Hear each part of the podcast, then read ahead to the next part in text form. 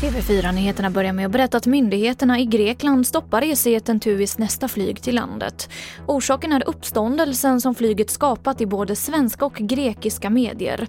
Grekisk press skrev bland annat att resenärerna var vanliga turister när bolaget fått tillstånd för en marknadsföringsresa. Och det här är något som TUI tillbakavisar och mer om detta på tv4play.se. Mer än var tolfte barn i Sverige har en förälder som har skulder hos Kronofogden. Där visar siffror som SVT Nyheter tagit del av. Och det rör sig om totalt 182 000 barn. Vi går vidare till Japan där minst 37 personer ska ha avlidit efter de kraftiga skyfall som lett till översvämningar i sydvästra delarna av landet. 40 000 räddningsarbetare söker fortfarande efter saknade. Och jag avslutar i Paris där Louvren öppnar igen idag efter nästan fyra månaders nedstängning.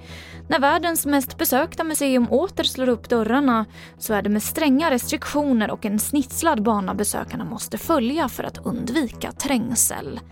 Och det var det senaste från TV4 Nyheterna. Jag heter Emily Olsson.